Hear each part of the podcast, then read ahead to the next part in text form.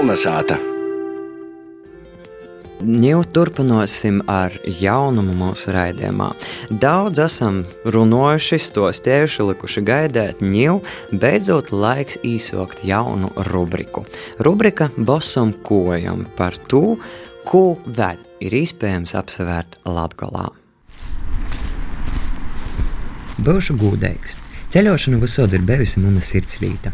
Kopš pagājušā gadā kolonizētā runājam par dažādiem dabas turisma objektiem Latvijā, manī daga ideja par mazāk zināmu, bet interesantu Latvijas objektu atklāšanas stostu sēriju. Beidzot, itē ideja ir īstenojusies.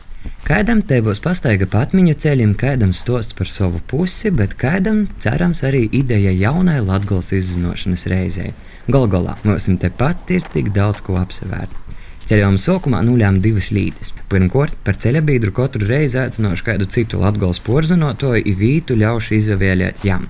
I otrkārt, vispareizāk ir sākt ar tuvēju apliecīni.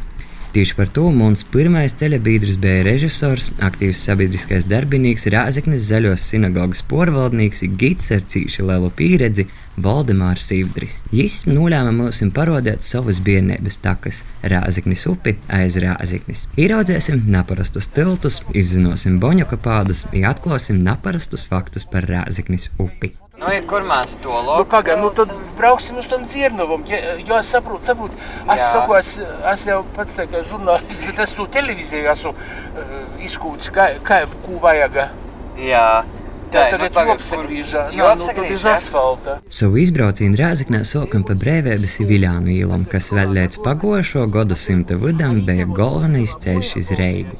Jaunīs, eh, tas bija 60. gadu pašos beigās. Ir kur vēl tilts, kur tu, tas, jau, tas ir apveceļš ap rāziņu tika būvē. Nu, tomēr arī gar to tiltu tie vīta bija beistama, kur, mēs tagad brauksim, jā, kur tas blokus rāziņas upē ceļš. Pat īsi, pa pirmo straujo lēkumu pašā upes malā nonākam jau pavisam drēž, bet tas lēkums ievērojams ne tikai ar beistamību. Taisni tī pori Rāzaknis upei 1899. gadā celtais dzelzceļa tilts. Tam orkas izlīkums ir nevis augšā, bet gan apakšā.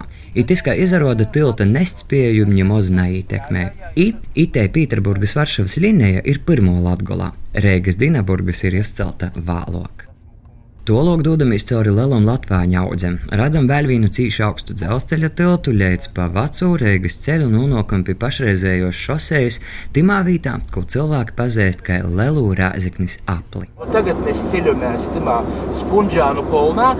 Kā jau jūs runājat par tiem skotiem, tad tagad atsaklojās labajā pusē. Tas tiešām skaistīs, brīnīgs skots. ir Tagad daba būs forša itī, kur pītur autobusu tī mēs apstosim. Ite ir um, Latgolas augstīņas, Burzavas pauguraine. Apakšā Rāzikņas upis te, nu, īlēja. Ja nav senielēja, kā gaujā, jo gaujas senielē veidosies pirms ledus laikmeta, it ir pēc ledus laikmeta. Ja? Itamā vītā tas ceļš ir visaugstāk, kas aiz rāzgis. Otkal toļok jau iz, iz, iz Viljānu pusī sīt zamok. Jā, Virs jūras jā. Kā izrāda tieši Spunģānos, ir filmēta lielāko daļa Joņa Streiča latgalīšu kinas cilvēka bērns epizožu. Tas bija 91. gada zīmē, es strādāju kultūras nodaļā, atbrauc Joņs Strečs. Viņš arī eh, meklēja pat eh, palīgus, kas eh, pie filmas, viņš meklēja vītas. A viņš Strečs šitie braukojis bija izrāzikņi. Viņš, nu, tu brauci, brauc, tī neko tāda nav. Cīži gleznaina, a šitie, kā uzbrauc Spunģānu kolonā, saka, te vīta, saka, ite, nu tādas, redzi, tos vēl ir pirms kara laika sātas. Ita filmēta gan laipa, kurā krita kazāts, gan filmas pikantos ainas ar bigī peldēšanos, gan arī pošas sāta. Ak, jā, viens no svarīgākajiem filmas personāžiem arī no aktīšanu itos vītis, proti, Sunēģis Žigs, eistajā vārdā Reks, ir nocis no blokus cīma. Bet A12 šosē Natoļa no Rēziknis ir šeinas ļauds glabāja arī vēl daudzus atmiņu stostus. Gan par Ulmaņa laikā atlaistiem sātu kreditiem, gan par drausmīgajam karalaikam bombardēšanam, gan par no tolīnas redzamajiem krīvu tankiem 1940. gada 17. jūnijā. Tāpat arī par lidmašīnām. Skatīs, pori, pori. Tur tāds zaļš, tāds kā plankums. Jis aiziet uz to pusi, tie bija vecīs Rāzikņas lidlauks. Īķa bija mm, tātad te Rāzikņas upes krostā ķeļajā Krivmūs bija tie pirmā radiobāka. Nu, lidmašīna kādu reizi goja, ja to ļoti bija aiz dzelzceļa otro radiobāka. Tas ir kā lidmašīnā nu uzalaistīs bet tas lidlauks bija drusceņi, drusceņi ar slēpumu uz Rāzakņas upes eh, pusi. Tos lidmašīnas, jā, 40-45 minūtes par 4 rubļi.